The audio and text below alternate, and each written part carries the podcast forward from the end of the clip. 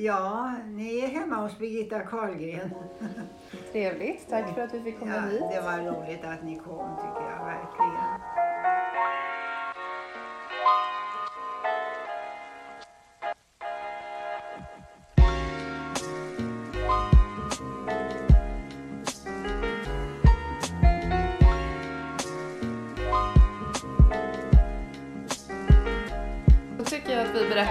Att vi är hemma hos Birgitta Karlgren.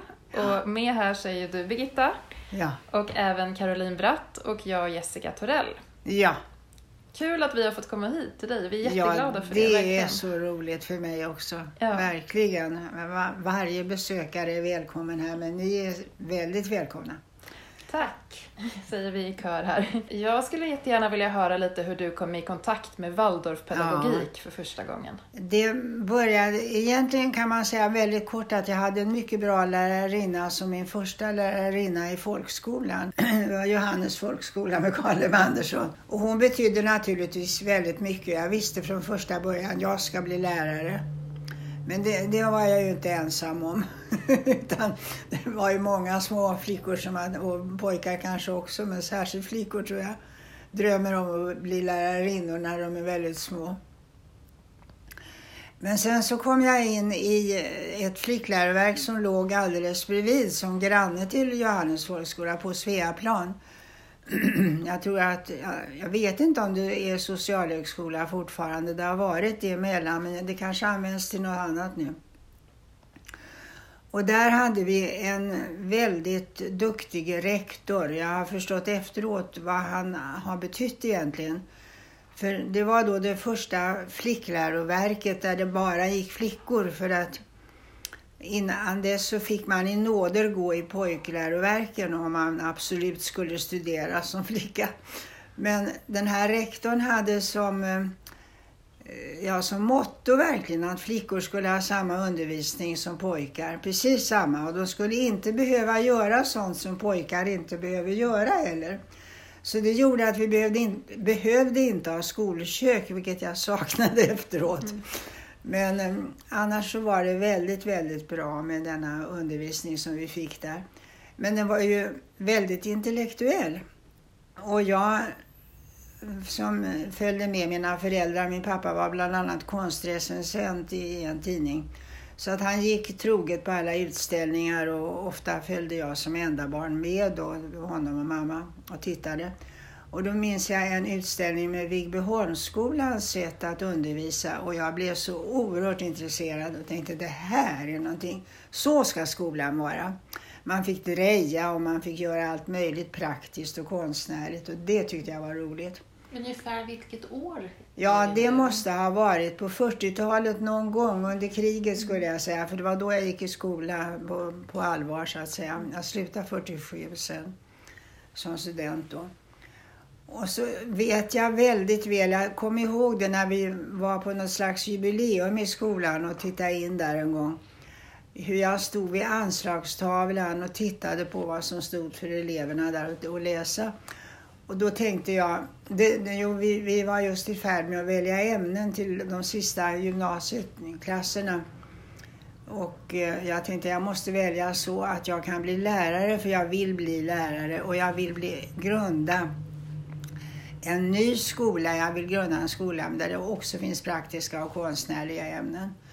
Jag hade ingen tanke på att det fanns något sånt någonstans i världen utan jag var helt inställd på att göra något alldeles nytt. Och det, det minns jag väldigt väl, det där beslutet att det ska jag göra helt enkelt. Men sen så sa alla att ja men lärare vill alla bli som har gått i skola och, och det där är nog bara en dröm du har och tro inte på det. Så då försökte jag intala mig att jag ville göra någonting annat och då kom jag ihåg att det slutade med att jag grät och tänkte nej jag vill ju bli lärare. Ja. Ja, men då, blev jag, då tänkte jag då, då blir jag det då. Det lustiga var att på den tiden var det inte frågan om att man kunde lära sig ett yrke först och så byta yrke. Det är ju en ganska naturlig sak idag. Det kommer jag ihåg hur mina egna barn talade om att det måste man kunna göra. Men det förstod inte jag den gången. Men det, behövde jag ju inte. Nej. Men däremot så var jag inställd på tidigt att man ska man vara lärare så behöver man se andra sidor av livet och inte bara skola. Så att jag var i parkleken till exempel. Och, och men det, det, blev inte så mycket för jag hade bråttom att studera och komma in i, i det hela ändå. Ja, så gick jag då på Stockholms högskola som det hette på den tiden, alltså motsvarande universitetet idag. Och eh, där minns jag att jag anmälde mig till eh, någon lärarförening. Jag minns inte vad den hette. Sveriges unga lärare eller något sånt där heter den. Jag kommer inte ihåg exakt. Där fanns det en tidning och där läste jag om Kristofferskolan. Och tänkte, men det där är ju precis vad jag har tänkt. Det, det, det måste jag söka upp den skolan sen. Men jag kunde inte då. Jag hade annat att göra för jag var väl inne i en tentamensperiod just då antar jag. Sluttentamina. Och ehm, eh, träffade däremot Frans av en händelse på Litteraturhistoriska föreningen i skolan, eller på högskolan då. Och eh, han skulle gå och spela julspel en gång och, och sa det lite generat sådär. Du förstår jag ska gå och spela julspel så jag måste gå. Jag sa, spelar du julspel? Vad originellt. och vart tar du vägen då och, och varför? Eller något sånt där. Ja, det är för en liten skola som heter Kristofferskolan. Känner du dem? sa jag. och, och ehm, så hjälpte han mig då att eh, få kontakt med dem. Och det var väldigt roligt. Det var 1953 skulle jag tro som jag kom dit första gången. 53 eller möjligen i första början. Nej, det måste ha varit 53 någon gång under vintern där innan. Eh, då var skolan på Malmskillnadsgatan i en gammal skolbyggnad som var utdömd i början av seklet någon gång. Förfärligt fallfärdig och eländig. Där kom jag in och gick och besökte de olika klasserna. Och de ordnade så lyckligt så att det råkade vara någon som var borta. Det var väl någon som var sjuk ändå antar jag. Och då sa de, skulle du kunna ta hand om klassen den här timmen? Ja, sa jag, det tyckte jag var roligt. Och eh, det var tydligen en väldigt bråkig klass men jag hade hemskt trevligt med dem. Jag, trean eller fyran någonting var det. Och eh, ja, det var ju väldigt slukt och då såg de ju om jag kunde klara en klass eller och, och sen så sa jag, ja, den här skolan tycker jag är så trevlig och här skulle jag bra gärna vara lärare. Men jag hade ju, sa det ju bara som jag tänkte högt.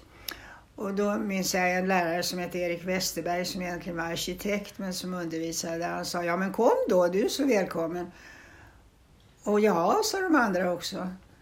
Och det har jag tänkt på många gånger när vi blötte och stötte om vi kunde ta emot en ny lärare, om det verkligen var den rätta och sådär. Att jag kunde bara halka in på något vis. Såpa tröskel. Men det är klart, man kanske inte började en sån skola utan att vara intresserad. Det fanns ju inget ekonomiskt att vinna på detta och tvärtom. Hur var det då på den tiden sådär med, med löner och så? Var det behovslön eller var det? Eh, ja, egentligen var det behovslön men eh, behovet för en ensam lärare var, minns jag, 490 kronor i månaden. Det ska vi kanske komma Men det var ihåg, oerhört vi... mycket mer än idag naturligtvis. Ja. Men, men, ehm, Hur många årskurser var det vid den här tiden? när jag började så hade, fanns det en sjätte klass. Det var den högsta klassen då. Mm. Och jag började med en etta då den gången. Ja, och det var 54 jag började. Så skolan fanns i alla fall sedan 49. Så att jag har inte varit med i grundarkollegiet där utan men ändå, skolan höll ju på att byggas upp ännu så att eh, det var ständigt eh, funderingar på hur gör vi det och hur gör man med det och sådär. Och det var mycket, kollegiet kallade sig själva för koleriet, alla var mycket koleriska. Mm. Det blev väldiga bråk ibland sena kvällar men alltid, vi skildes alltid som vänner ändå. Det var det som var det märkliga, att man blev så oerhört eh, sammanlänkad på något sätt. Hur länge höll kollegiet på på de tiderna då? Sådär? Ja, till 11-12 någonting på kvällarna. Det fanns ingen gräns liksom. Det var, vi måste hålla på tills det var färdigt. Och jag kommer ihåg ett kollegium då en lärare berättade hur förfärligt besvärligt han hade det hemma. Han hade besök av sina svärföräldrar och de var si och så. Och det tog en lång tid av kollegiet när han, när han berättade sina hemförhållanden där. Och det hörde ju inte dit egentligen men det, för oss gjorde det det på något sätt ändå. Och alla kom på lärarnas dopkalas när deras barn föddes och sådär. Det, var så självklart liksom att man blev delade. sammansvetsade. Ja visst, vi blev ju det alldeles väldigt. Och så hade ni alla era barn i, i skolan sen så Ja, självklart. Ja. Det var någon besökare som frågade någon gång om vi skulle sätta våra egna barn i den här skolan, liksom för att pröva vad, om hur mycket vi trodde på dem. Och vi sa, det är ju självklart. Är det självklart, sa de. Ja, det är det väl, sa vi. När man tror på en skola så sätter man väl sina egna barn där naturligtvis, tyckte vi. Men då var, kan man säga att det var väldigt många lärare, eller i stort sett alla lärare som hade barn då, som satte sina barn i skolan? Ja, alla som hade barn satte de där. Mm. Jag kan inte komma på någon annan som gjorde något annat faktiskt. Och de första föräldrarna var ju också våra goda vänner på något vis. Det blev så helt enkelt. Men du har fortfarande kontakt med en del av de elever Mm. som du hade Mm. de allra första Just åren. De, de som vill komma här nu någon gång. Men hur länge arbetade du sen vid Kristofferskolan? I precis 40 år. Alltså från eh, 54 på hösten då till 94. Jag hade för mig att du och Frans flyttade till Järna och det Mm. trodde jag var tidigare än så. Men det kanske det inte var då? Alltså vi bodde ju först på detta Torsätra och satt och åkte därifrån in till skolan. Och det var väldigt ansträngande. Mm. Och Torsätra låg ute i Kungsängen? Eller var det. Ja, ja. så att eh, det var en tre mil någonting då. För vägarna var ju inte så bra heller då på den tiden som idag. Så det tog lång tid att komma in till stan på morgonen. Man eh, åkte iväg vid sjutiden någonting på morgonen. Det, sen bodde vi, flyttade vi till Bromma och bodde i Bromma många år. Ja, dit kom vi väl ungefär när skolan flyttade dit. Men var det någon skillnad tyckte du För ni hade ju börjat i de här lokalerna där på Ja. Malmskillnadsgatan och sen kom ni till det här... Ja, sen kom vi till, Ja. ja. vi kom däremellan till Karlavägen. Mm, Det också. som sen blev Tyska skolan, eller ja det hade varit delvis Tyska skolan och vi fick en del av den och den andra delen var kvar. Mm. Och de här bägge skolorna var ju fruktansvärt olika. Men vi hade egentligen ingenting med de andra att göra. Jag kan inte påminna mig att lärarna hade kontakt med varandra, konstigt nog. För den tyska skolan borde ha känt till Waldorfskolan, men kanske inte så mycket för det var ju tämligen direkt efter kriget och Waldorfskolorna hade ju varit stängda i Tyskland under hela nazisttiden och öppnades så fort kriget var slut. Men det hade ju inte de varit med om som då var lärare här i tyska skolan. Men när skolan sen startade i Bromma, eller flyttade till Bromma, Mm. så småningom så var ju du med och grundade lärarutbildningen. Ja, Och det gjorde du alltså samtidigt som du fortsatte arbeta på skolan? ja, ja. Jag kände mig så oerhört hemma i Kristofferskolan. Så att när vi flyttade till Järna ett tag då, för Frans ville absolut det, han hade ändå undervisning där hela tiden.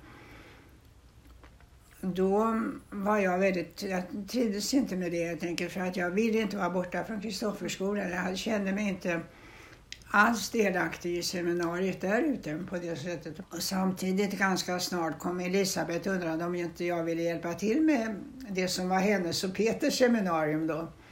Så då är det Elisabeth Ahlberg? Ja, då är det Elisabeth Ahlberg det är frågan om.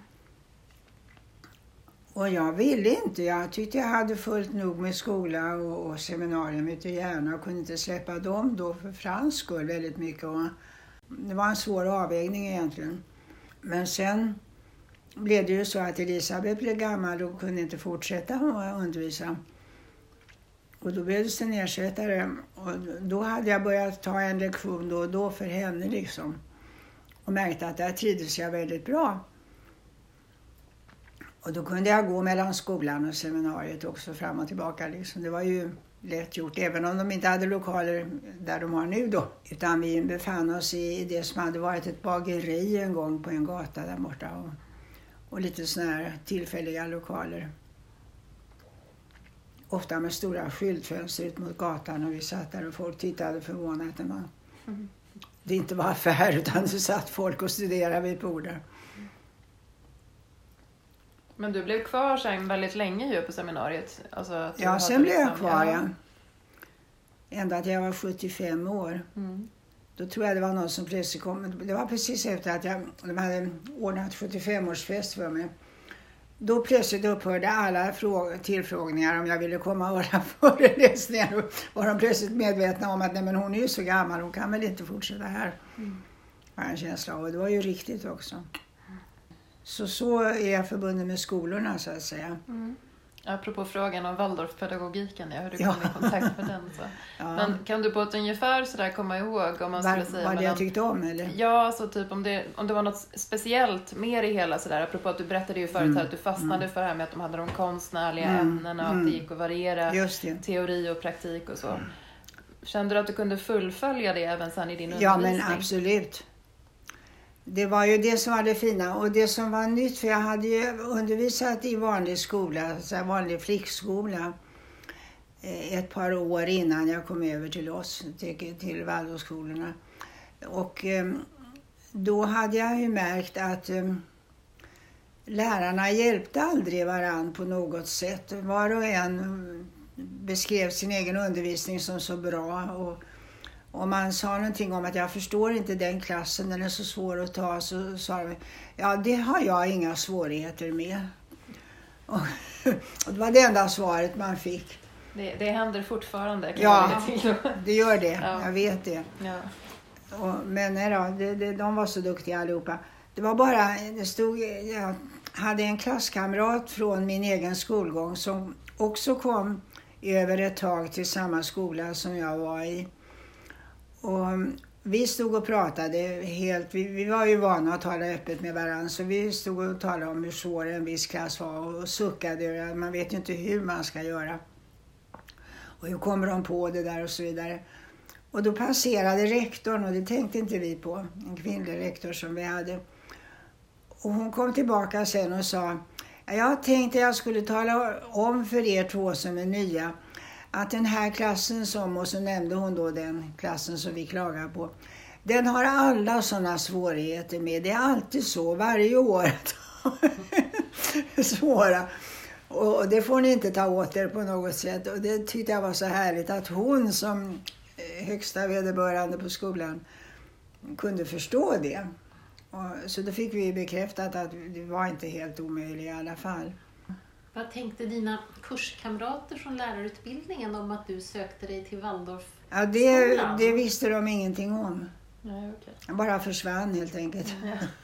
Jag var ju färdig med mina studier ändå. Då, alltså jag var filmag då. Och då skulle jag ut i skolor och det var inte vidare med det. Mm. Det var ett par faktiskt som Frans kände väldigt väl. En, en docent och han blev kanske professor sen, det kommer jag inte ihåg.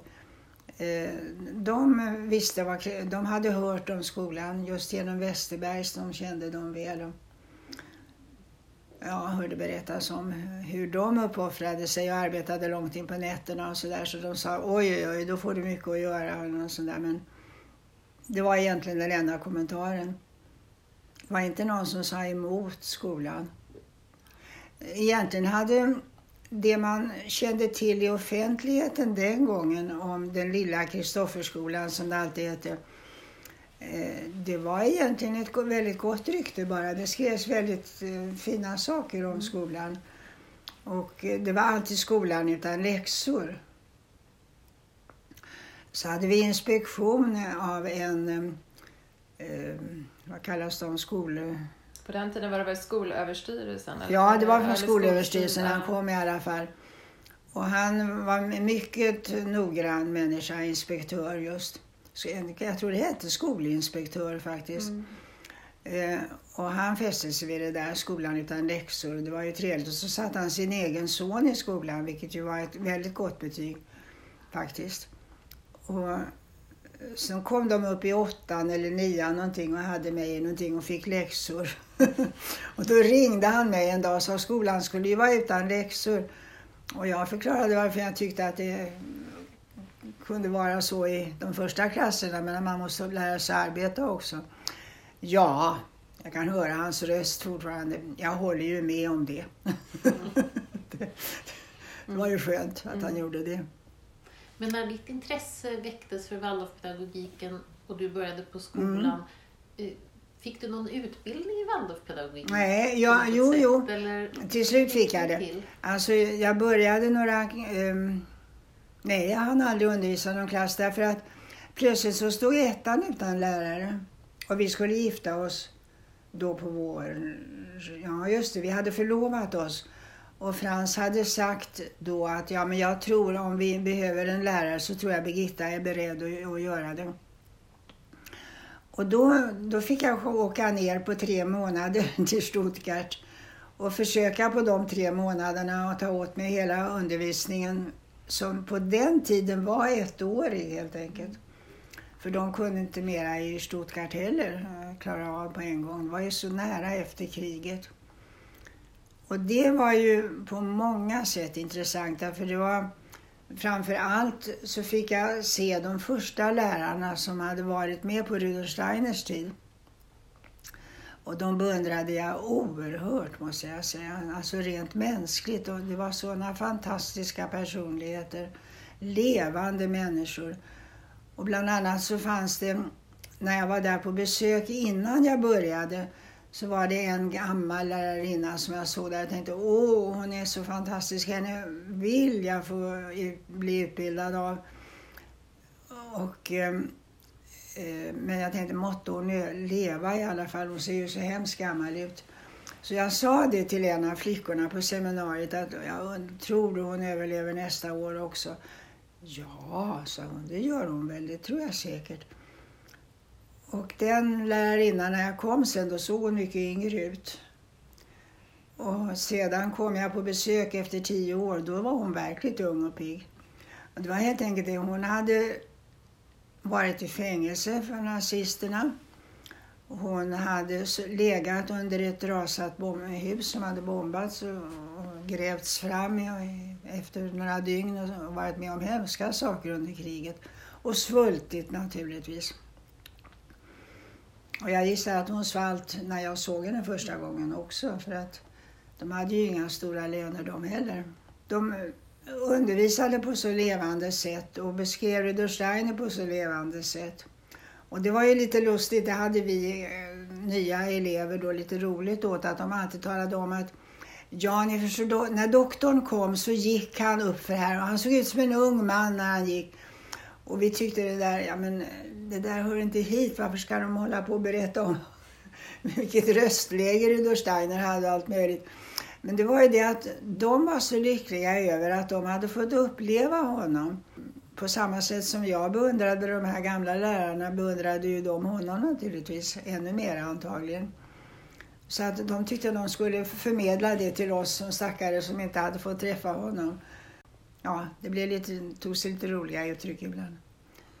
Men det är ändå fantastiskt att du kunde bli undervisad av mm. de som faktiskt hade träffat ja, Rudolf Steiner. Ja. ja. Och att du i din tur sen då kan ja. liksom föra det vidare sådär, så att det finns kvar något slags minne kan man säga. Ja, och det var sådana där saker som, eh, som man faktiskt, det står inte i böckerna. Till exempel hur Rudolf Steiner satte på papperna på de här brädorna som man målade vått i vått och så vidare. Det, det fick jag ju med där då. Hur noga han var med det, att det skulle vara alldeles lätt att sitta ordentligt och eleverna skulle lära sig det. Och, det skulle torka och de skulle lägga in sina brädor på det och det sättet och allt sånt där. Som väl inte är det absolut viktigaste kanske, men det gav i alla fall bild av vardagen i skolan. Och hur han kom gående över skolgården och då flockades alla barn omkring honom direkt tydligen. Och han pratade med en den ena än den andra och frågade om deras mammor och pappor och deras hälsa och sådär. Och det gjorde till exempel en lärare som hette Dr. Han. Han var, med. han var den första läraren tillsammans med en till. Och det var samma sak. När han kom på skolgården så Åh, doktor Han! Och så rusade allihopa till honom. Klunga som man såg där. Ja.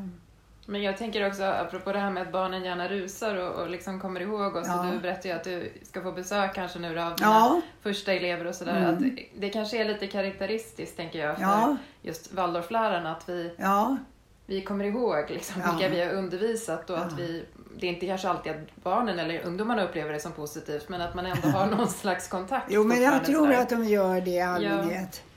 Det är klart, man får väl inte ge sig in i och fråga ut dem om saker som de vill behålla för sig själva, det är ju klart. Eh, den där nära kontakten känner man ju.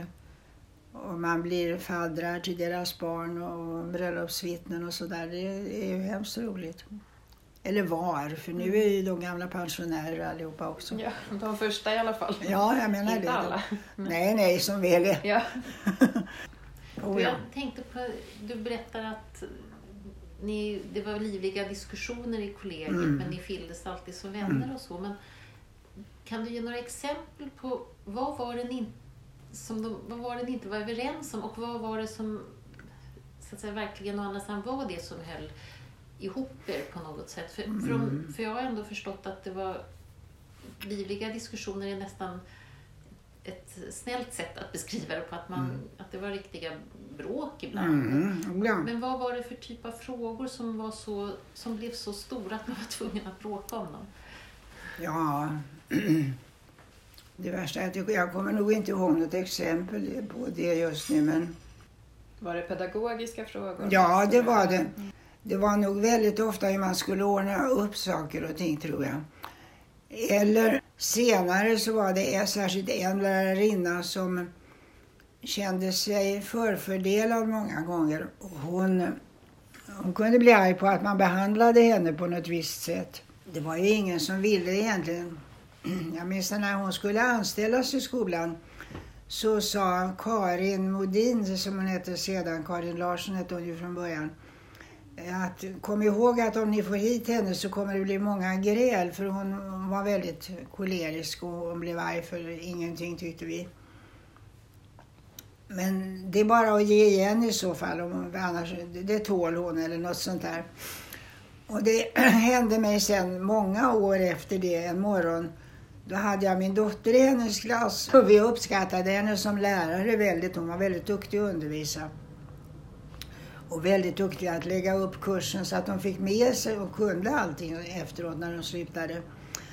Och, så det fanns ingen anledning att, att vara sur på henne men hon sa då plötsligt Ni bjuder aldrig hem mig, ni, jag duger väl inte för er förstår jag eller något sånt där. Och då kom jag plötsligt ihåg, ge igen bara. så att jag verkligen sa nej nu går det för långt. Hur kan du säga någonting sånt? Det vet du mycket väl att det inte stämmer vad du säger nu. Och så gick jag ut och smällde igen dörren allt vad jag kunde och hon blev alldeles paff. Och snäll, sa aldrig mera någonting sådant. Men jag kom plötsligt på när jag gick ut och stod på andra sidan dörren, hjälp, vi har elever här också. det är inte så som lärarna ska uppföra sig. Så att jag blev mycket slak jag också och sa inget vidare till henne sen. Men vi blev väldigt goda vänner, det var inget problem. Men det, det är så typiskt att det var ofta små saker som inte hade med, med saken att göra så att säga. Men jag funderar på, jag kom på en sak som jag tycker är sån där pinsamt minne som jag har. Ni vet, en princip är ju verkligen från Rudolf Steiner att vi ska ha konsensus när vi fattar ett beslut.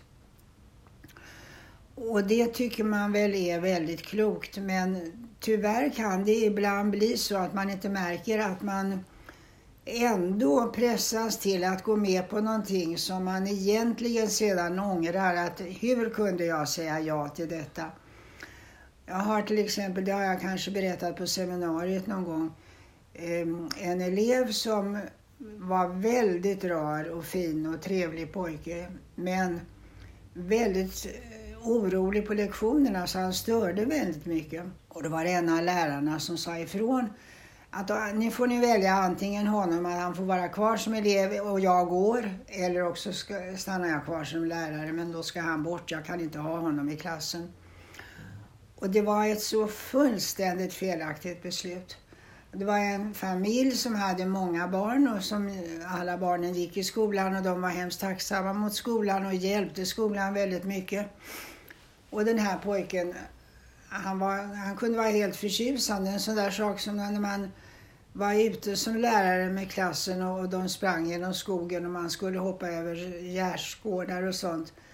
Då var det han som tyst och stilla utan att någon kamrat märkte det stannade kvar och såg efter att jag kom över också. Stod där som en liten gentleman beredd att hjälpa mig över. Och nu hade jag lätt för det faktiskt, så det, det behövdes i och för sig inte. Men ja, det gjorde inte lärarna. Men de märkte inte heller att han kunde det när det knep.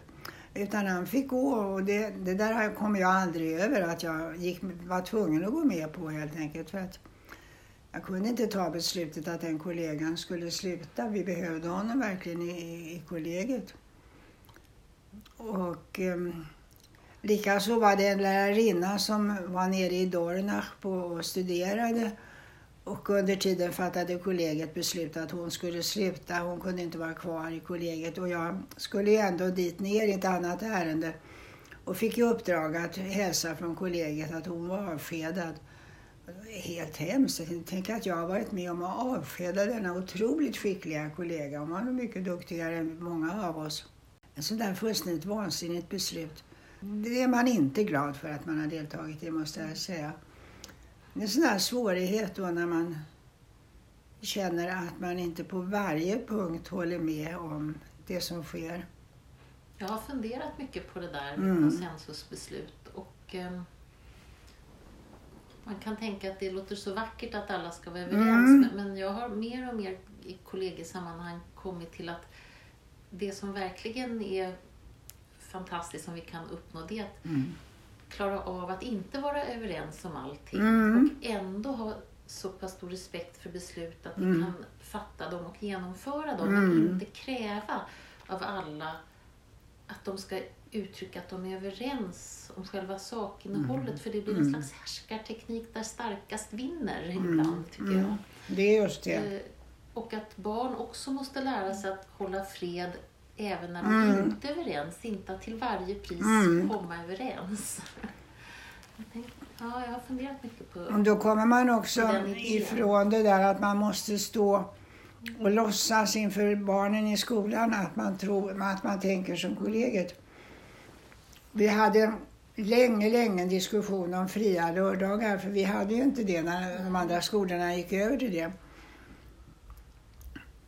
Därför att de som var starkast hos oss tyckte absolut att vi behöver lördagarna, det blir inte bra.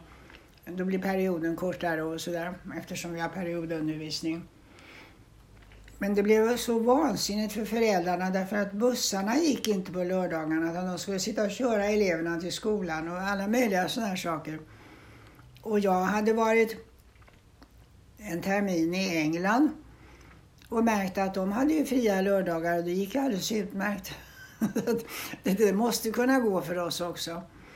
Och så varje gång när det hade varit kollegor som hade barnen i klassen som jag var klassföreståndare för vädrat på något sätt. Om det var jag som hade talat om att vi talade om det, eller det vet jag inte, men de visste i alla fall det.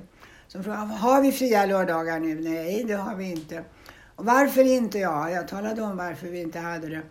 Men de trodde ju hela tiden att jag tänkte så. Det hade varit så skönt att få säga att ja, jag tycker vi borde ha det, men det tycker inte kollegiet och det blir så och så. Men det fick jag inte göra. På så sätt är det i alla fall lite lättare idag mm. mot vad det var då kanske. Att man, inte, att man ändå idag kan säga att vi inte är helt överens, mm. men vi har behövt enas om det här. Mm.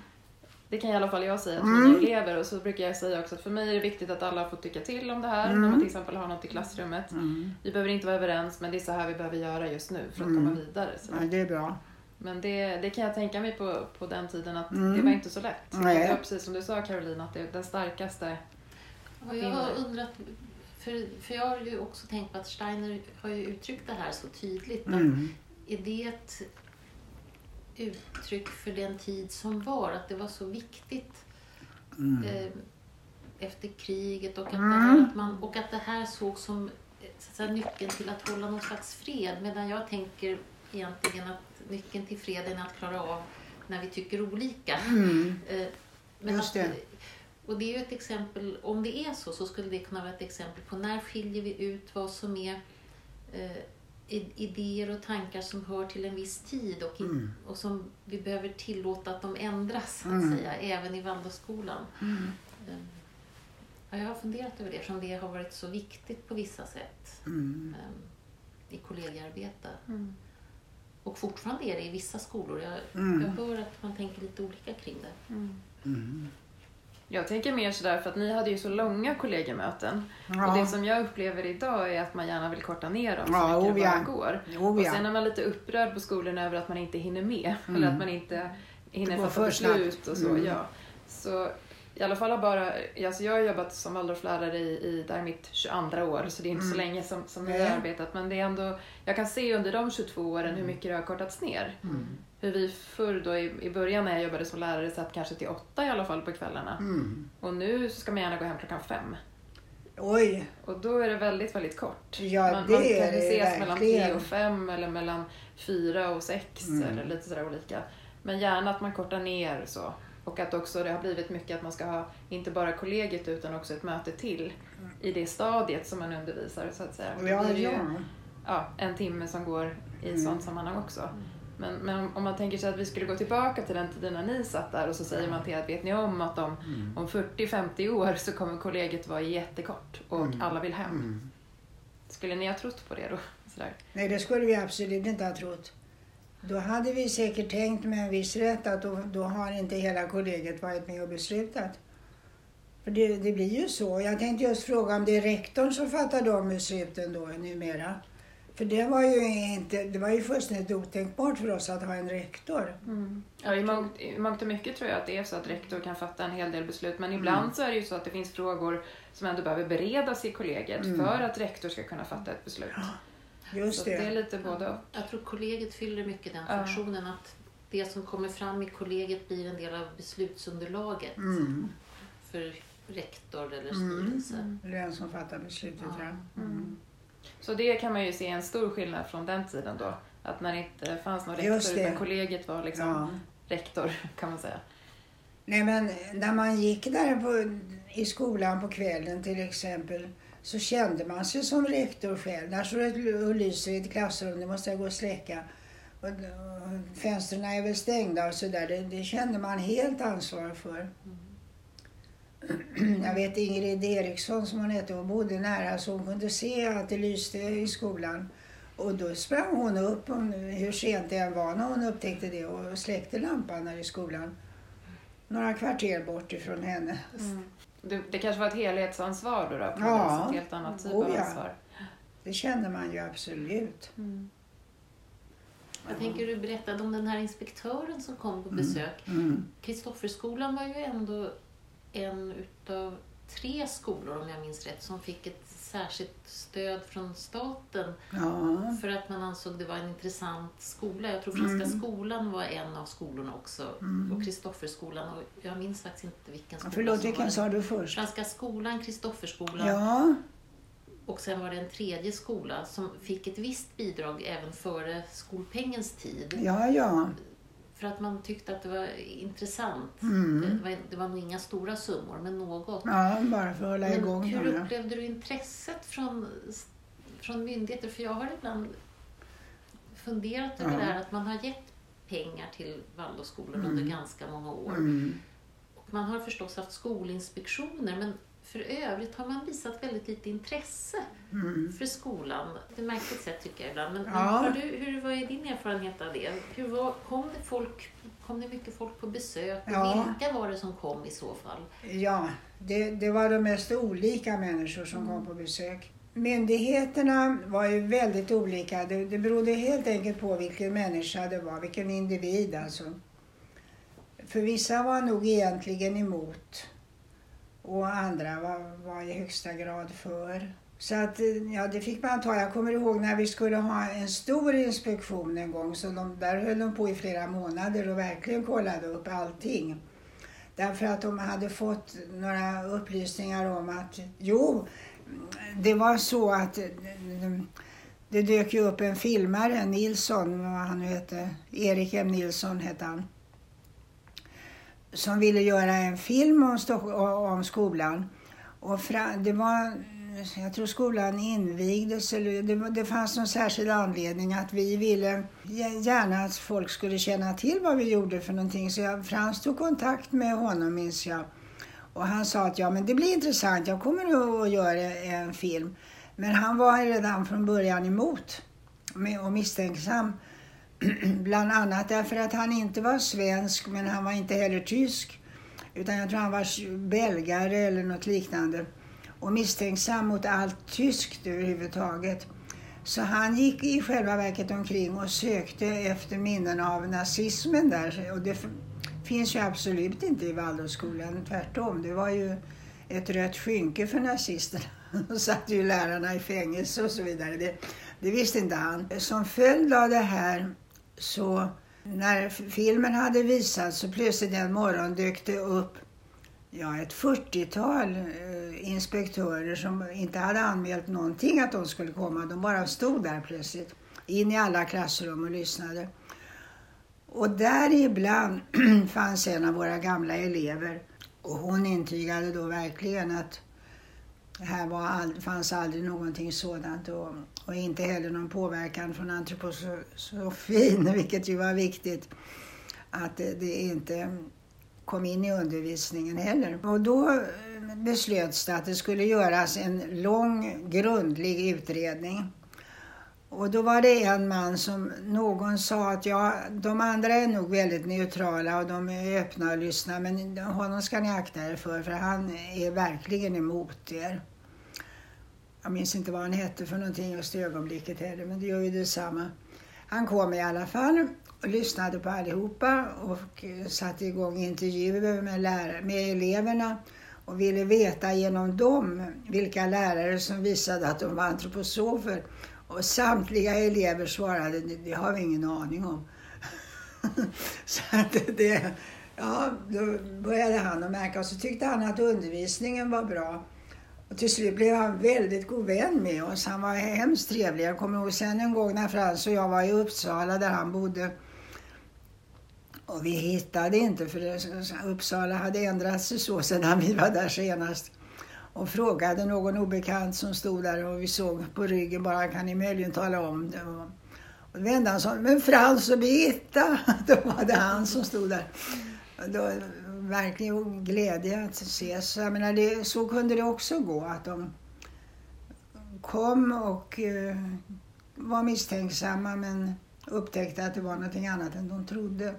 Om det står ett 40-tal inspektörer ja. på trappan en dag, då skulle jag bli jätterädd. Ja, det var väldigt obehagligt. Ja. Mm. Men upplevde ni ibland att det faktiskt var risk för att ni skulle få stänga skolan? Nej, det, eller, det tror jag inte. inte Särskilt inte när skolan växte. I början var det nog mm. det. Det fanns en um, person som var god vän med denna första lärarinna, Karin. Och hon hette Gerd Rustan. Och hon var anställd på Skolöverstyrelsen och hon kom ibland och sa att nu kommer den och den som tänker så och så om er. För hon eh, lyssnade alltid. Hon var intresserad. Hon förstod att hon var ju så god vän med Karin då. Så hon förstod ju vad det var frågan om. Och eh, ja, hon visste väl från början inte så mycket heller men lärde sig helt enkelt. Och, så att det... Men varje gång det ändrade skolborgarråd så var det en väldigt stor fråga för oss. Är han för eller emot oss? Det var alltid en han förstås. Det kanske fortfarande har varit. Jag har inte följt vilka som är skolborgarråd idag. Men... Och det fanns ingen tydlig partipolitisk åsikt? Det var mer en personlig uppfattning då? Eller? Det var mer en personlig ja. uppfattning. Men vi hade faktiskt, ja, vad hette hon då? Det var en socialdemokrat som var väldigt god vän till slut och hjälpte oss väldigt mycket. Och det kände vi att Socialdemokraterna förstod lättare vad vi höll på med.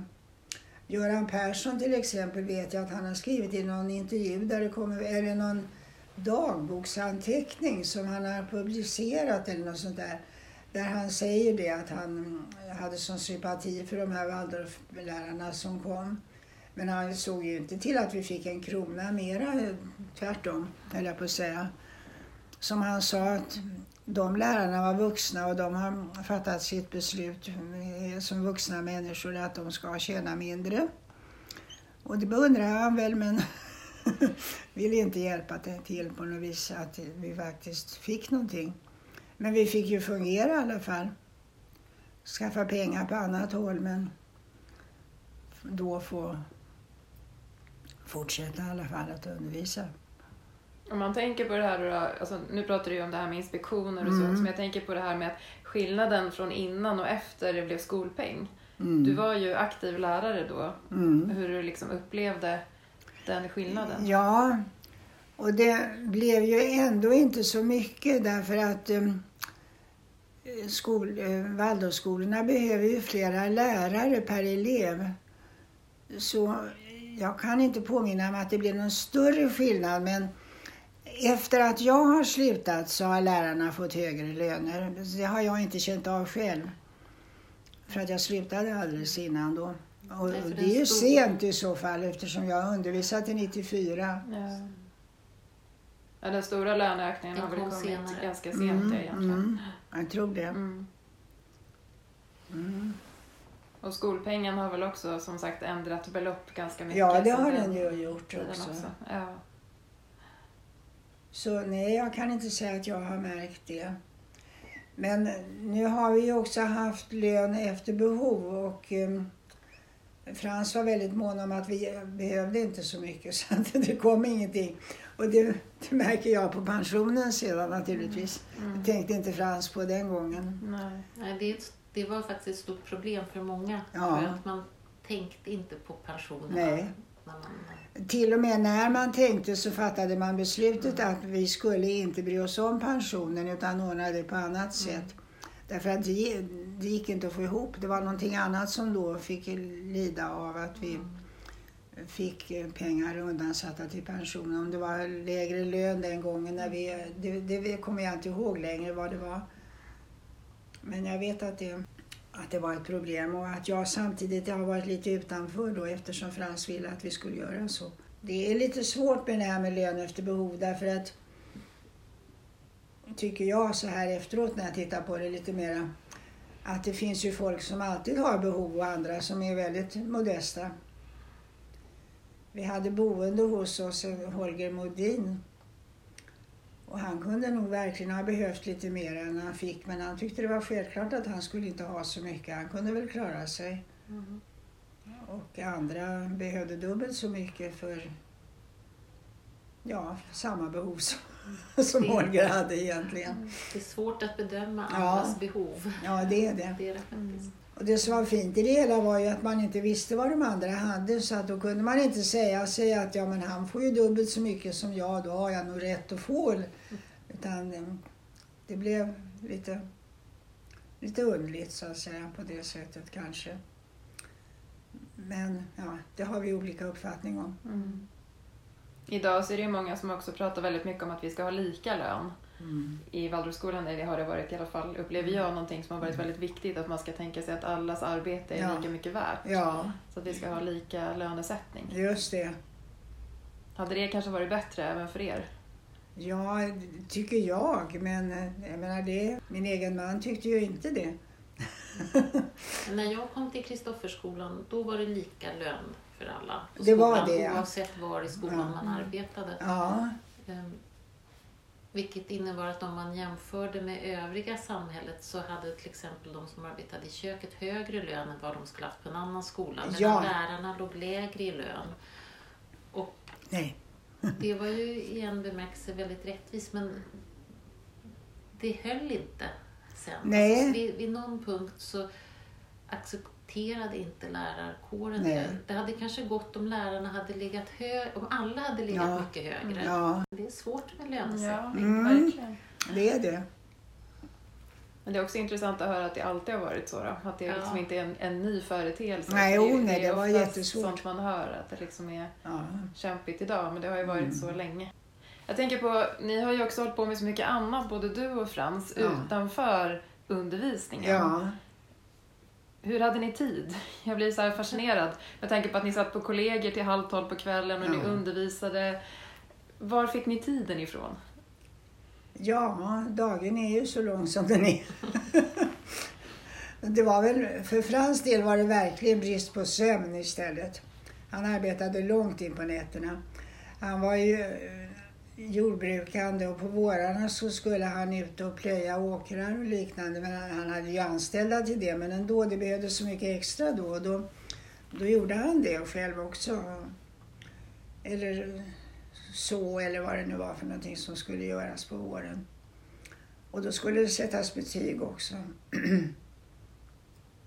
så för hans del var det nog så att han sov en två, tre timmar ibland på natten. Men det var det aldrig för mig för jag orkade inte i, det fallet. Jag har varit beroende av sömn och sovit gott också. Typiskt nog. Men det var så länge ni hade gården så ja. drev ni jordbruk också? Ja. Men eh, som sagt, Frans hade egentligen anställda till det så att mm. han hade kunnat låta bli. Men jag tror han tyckte att han ville vara med dels för att um, kolla upp vad som hände kanske, det vet jag inte. Men framförallt för att visa att även han kunde arbeta. Han gjorde det åt oss i alla fall. Eller de andra gjorde det åt oss menar jag. Så att, um, ja, jag kan tänka mig att det var så han resonerade. Men era barn valde ju ändå sen att sätta sina barn i ja, skola också. Ja, visst gjorde de det. Oh ja. Nej, de var beredda. De, de tyckte om sin skola i början, men de blev kritiska på slutet. Det var väl det att det inte var samma gamla vanliga skola längre som de hade gått i, tror jag. Det var ju... Vi ska se.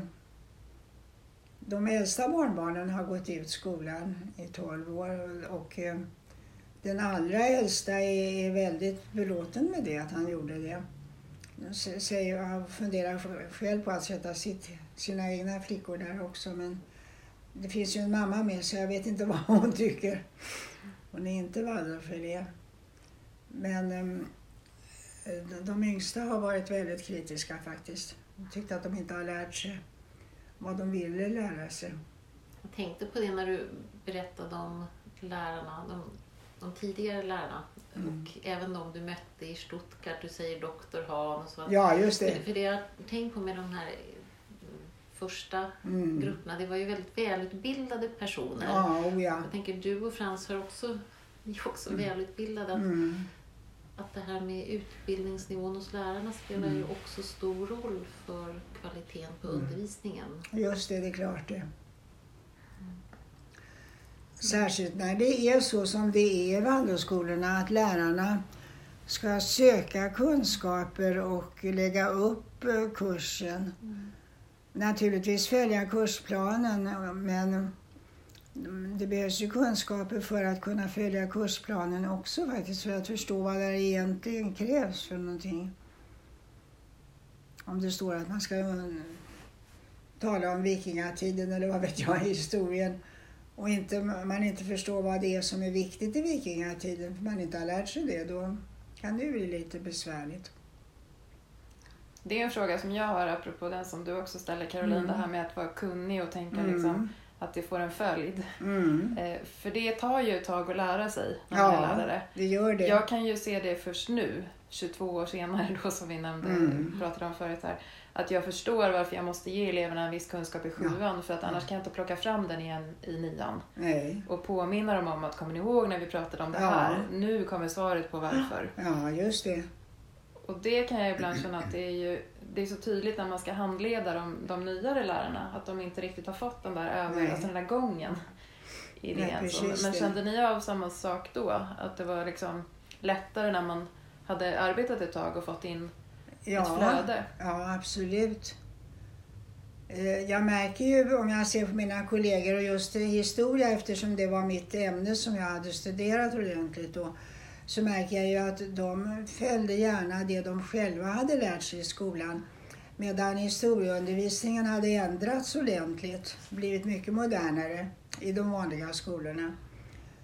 Men det är intressant det här med ämnena. För för ibland kan man tänka att oh, nej, det är så viktigt med relationen lärare-elev. Mm. Det, det, är mycket som man ska mm. tänka på som lärare. Och mm. Nu i skolan så talar man gärna också om förmågor och det gör vi ju i Waldorfskolan ja. också. Det är viktigt med det sociala men mm. jag tror ibland att vi underskattar vilken vikt vi egentligen i vår Waldorfläroplan eh, fäster vid ämnena. Därför att tanken som jag ändå har förstått är att det är genom ämnena vi vill komma åt mm. också de sociala kvaliteterna. Ja. Att det kräver egentligen väldigt stora ämneskunskaper mm. hos lärarna.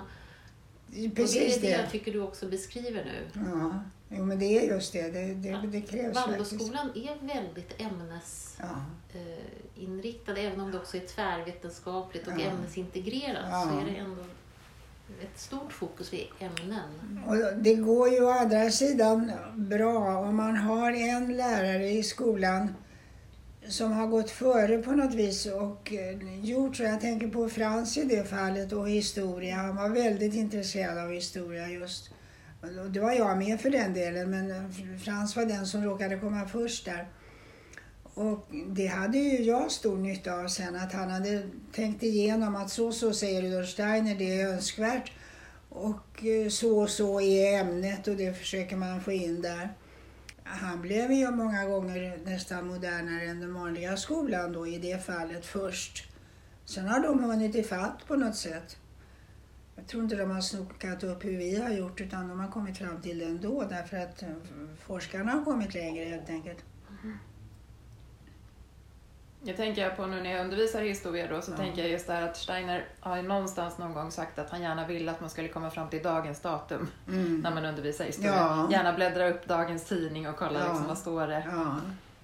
Det, var, det var en sak som jag fäste mig vid, att Rudolf Steiner eh, när, när det gäller kursplanen i, eh, får se nu, det var litteratur i det fallet tror jag. Jag blir osäker om det var litteratur eller historia, men i alla fall Kursplanen var den att man, nej det var historia, att vi skulle gå igenom, titta, i tolvan, titta tillbaka på hela eh, historieutvecklingen och så se de olika kulturperioderna som växer fram. Till exempel om jag börjar så långt, eller jag kan ta Egypten och, och först. Och, och, sen kommer man så småningom till Grekland och Rom och, och, och så går det vidare in i folkvandringstid och så vidare. Till renässansen då. Och det är ju en väldigt fin repetition och det har jag gjort och vi har tyckt att det var så intressant, både eleverna och jag, att jämföra. Den kulturperioden tänkte man på det och sen så var det det som blev viktigt och, och så vidare.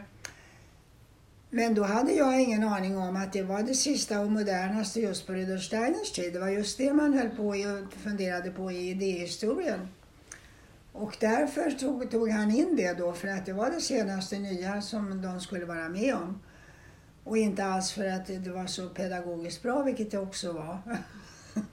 så att ehm, det upptäckte jag när jag inte längre hade de perioderna, att så var det ju faktiskt. Mm. Jag minns inte var jag stötte på det. Men det får ju mig att tänka på att hur tar vi då, hur kan vi bli så tidsaktuella så att vi också tar in det ja, senaste på rätt sätt? Just det, det måste vi. Måste, det måste vi också göra. Ja. Ehm, och inte bara göra det som var helt aktuellt för hundra år sedan. Mm. Och det gjorde ju både Frans, Bengt och Walter och Hannes Rohrbacher säkert också egentligen. Jag kan inte bedöma hans undervisning på samma sätt för att det är så långt från mina egna ämnen men de andra tre vet jag. Jessica, du nämnde ju dagstidningen. Jag har något minne av att, och jag minns inte vem, om det, om det kan ha varit du när jag utbildade mig eller någon annan som sa att Steiner ska ha sagt att en lärare måste läsa dagstidning varje dag. Och jag vet att det var någon som, hade, som sa att ja, när man tittar på vad lärare behöver, apropå ja. behovslön, så måste det finnas möjlighet för lärare att läsa tidningen varje dag. Ja. Stämmer att Steiner sa någonting om det? Det är mycket troligt, jag vet inte. Han har sagt så hemskt mycket om allt möjligt. Men det, det kan jag verkligen tänka mig för att um, jag vet att han ville att man skulle vara väldigt uh, up to date i, i allting. Så det, det skulle jag tro att han ville. Mm. Och det där tänker jag är så viktigt, det här att man skulle vara, man skulle vara up to date. Ja, ja. Att det faktiskt är att vi måste förnya oss. Man kan mm. behålla de pedagogiska tankarna och mm. inslagen mm. men man måste ju också, precis som Caroline var inne på, ja. hitta vad är, vad är vår tid nu? Ja. Så att eleverna kan ta in allt det som sköljer över dem idag, för det är mycket som sköljer över dem på ett annat sätt. Det är fruktansvärt viktigt. Men nu kan jag känna att det är lite generationsskifte i det också. Att, att det som förut var heligt sådär, ja. och inte röra de här sakerna så. Ja. Nu vågar man kanske göra ja, det men det måste sätt. man för det blir ju löjligt annars. Inte undervisade man, alltså Rudolf Steiner gick ju gärna tillbaka till vad Goethe just hade sagt därför att han hade sysslat så mycket med Goethe. Och, och, och kunde liksom forma om det för sin egen tid. Men annars så talar ju inte han om gamla storheter, utan det som var aktuellt just då. Och det måste ju vi se upp med för det är ju väldigt mycket, det irriterar mig nästan ibland när jag läser Rudolf Steiner. Han börjar plötsligt att eh, vara väldigt förargad på någon som har yttrat sig nyligen då och talar om hur hemskt det är. Men det angår inte oss helt enkelt. Det var den tyska kulturdebatten för hundra år sedan och mera. Det kan ju inte vi hålla på och fördjupa oss i. Om det inte är någonting som eh, hör ihop med vår tid naturligtvis, då är det klart, men inte annars. Det här är att backa tillbaka, eller för jag bara blir så nyfiken på, du hade ju inga syskon, men dina föräldrar, när du gjorde ditt val här att arbeta som Waldorflärare, vad, vad, tänkte de om det? Hade de, gjorde de sig tankar kring Waldorfskolan? Oh. De var djupt bekymrade för att de, de visste ju att när man blir gammal så behöver man en ordentlig pension att leva på.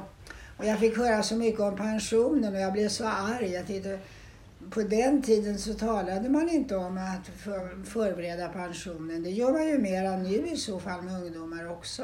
Nej, jag tyckte pensionen, den kommer väl när den kommer. Men det var det de bekymrade sig för? De, ja. Det var inte att de tyckte att nej men vad är det där för konstiga, jo, lite grann. Därför att bägge mina föräldrar hade vuxit upp i frireligiösa hem. Och de drog gärna en parallell och vi, jag tycker ju inte att antroposofin påminner ett enda dugg om frireligiositet. Och det försökte jag få dem att förstå men pappa var tapper och läste några böcker av Rudolf Steiner för att förstå oss. Och särskilt när Frans kom till och hade samma idéer, då fick, då fick de större respekt för att ja, det var in, inte så där märkligt som jag hade tyckt. Och samma sak med Frans mamma.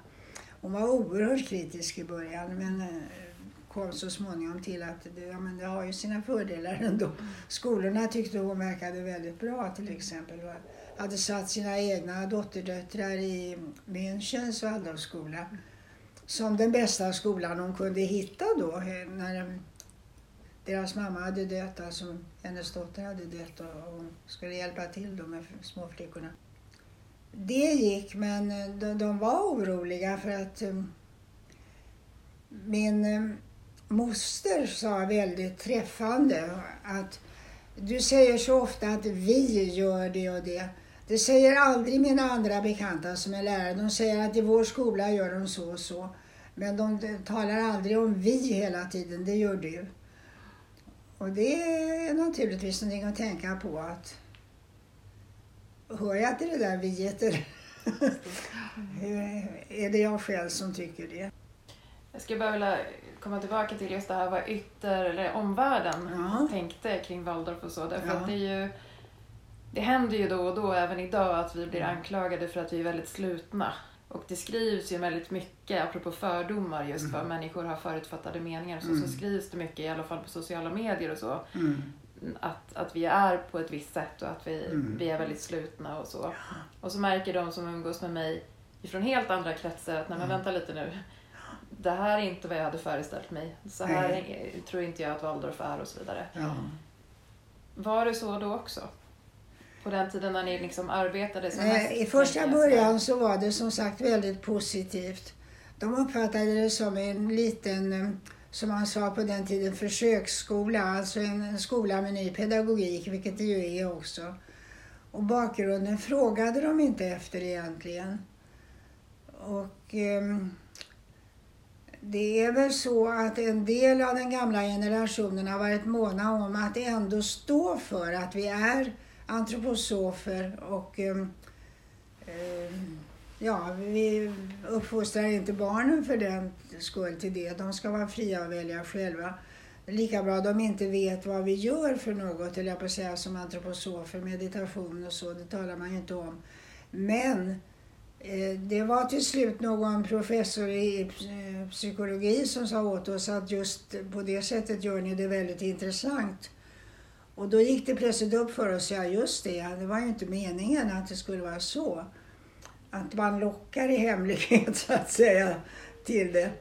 Tvärtom. Men eh, samtidigt så kom då humanisterna med sina idéer och beskrev oss som oerhört farliga som håller på och sitter där i bakgrunden och egentligen försöker påverka. Och det har ju gjort att vi har fått försvara oss mera än vi annars skulle göra, tror jag. För själv är jag ledsen för att antroposofer och jag själv inte kan uttrycka våra idéer på ett sådant sätt att vanliga människor förstår vad det är frågan om och förstår att det är inte så konstigt. Men det, det är väldigt vanligt att folk ägnar sig åt yoga. Det är i så fall mycket konstigare mycket mera österländskt än eh, antroposofin. Men det, det, accepterar man ju för att det är bara att gå till en yogagrupp och se vad det är för någonting. Och det är, så skulle det ju vara för oss också. att Kom och lyssna någon gång och se om du har någonting av det. Eller? Men då har man ofta ingenting av det för att man uttrycker sig så konstigt tror jag. Jag har tänkt många gånger, varför säger vi eterkropp till exempel? Det låter ju hemskt konstigt. Istället för att tala om livskrafterna i, i kroppen eller någonting sånt. Ja, det där är intressant. För jag tänkt i samma banor att vi ja. ibland använder ord och uttryck mm. Som, mm. som inte fungerar eller som gör att det blir ännu mer stängt ja. till omvärlden. Ja. Och just tänkt väldigt mycket på hur skulle man kunna öppna upp det ja. så att det blir mer förståeligt. Mm. Det var en, jag hade besök av en gammal antroposof här häromdagen. Eller ja, gammal hon, hon är jämfört med mig mycket yngre. Men i alla fall, hon har sysslat med det många år nu. Och hon eh, hade stött på någonstans hos Rudolf Steiner där han beklagade sig över det just. Att det redan på hans tid hade han förväntat sig att hans lärjungar, som han hade andliga så att säga, eh, att de kunde beskriva mera vad det var de höll på med, med egna ord. Och sa att det hänger ihop med om man har arbetat med det tillräckligt mycket så att ens tankar verkligen är ens egna. Att det här står jag för. Och det kanske inte är precis vad han har sagt då, men så här tänker jag att det är då skulle folk acceptera det mycket mer än de gör när det är så här. Är ja, men Rudolf har sagt det och det. Ja, förlåt. Och så den här formuleringen, du säger att ja, så här tänker jag att det är. Ja. Medan det har väl funnits en, en del inom mm. så att säga, våra egna sammanhang där man mm. säger så här är det. Ja. Och det är väldigt stor skillnad ja. att säga att så här tänker jag, så här ser jag på det. Mm. Eller att påstå att någonting är på ett bestämt mm. sätt. Mm. Det tyckte jag var slående när jag kom till Kristofferseminariet som mm. student då, 1991. Mm. Då hade jag läst juridik vid Stockholms universitet mm. under några år. Men den största skillnaden tyckte jag var att det var så högt i tak på Kristofferseminariet. Ja. Och det har jag funderat mycket på, att för föreställningarna i omgivningen är ju ofta det motsatta. Att mm. där är det lågt i tak medan på Stockholms universitet skulle det vara mm. tvärtom, högt i tak. Mm. Eh, det skulle det. Men eh, jag tyckte faktiskt det var precis mm. tvärtom. Mm. Ja. Mm. Men det tror jag var mycket tack vare dig och Frans. För jag tror ni hade det förhållningssättet.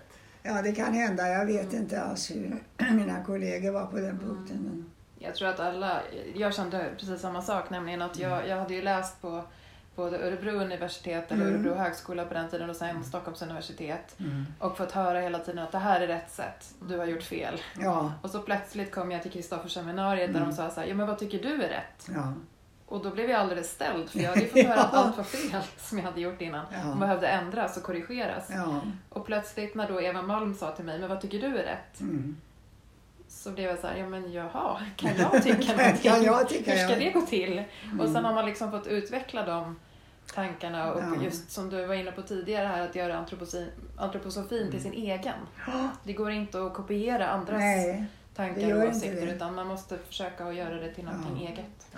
Man önskar ju att man hittar sådana som kan fortsätta också. Mm. Och nu har vi dig. Mm.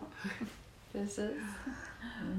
Mm. Så det är bra att det förs vidare. Och ja, man liksom det är det verkligen. värnar om utbildningar också. Det har, jag och Caroline har gjort ett eget avsnitt här som kommer där vi just pratar väldigt mycket om utbildningarna ja. och hur viktigt det är. Jo, men jag tycker att det har kommit just sådana människor som har behövts just då.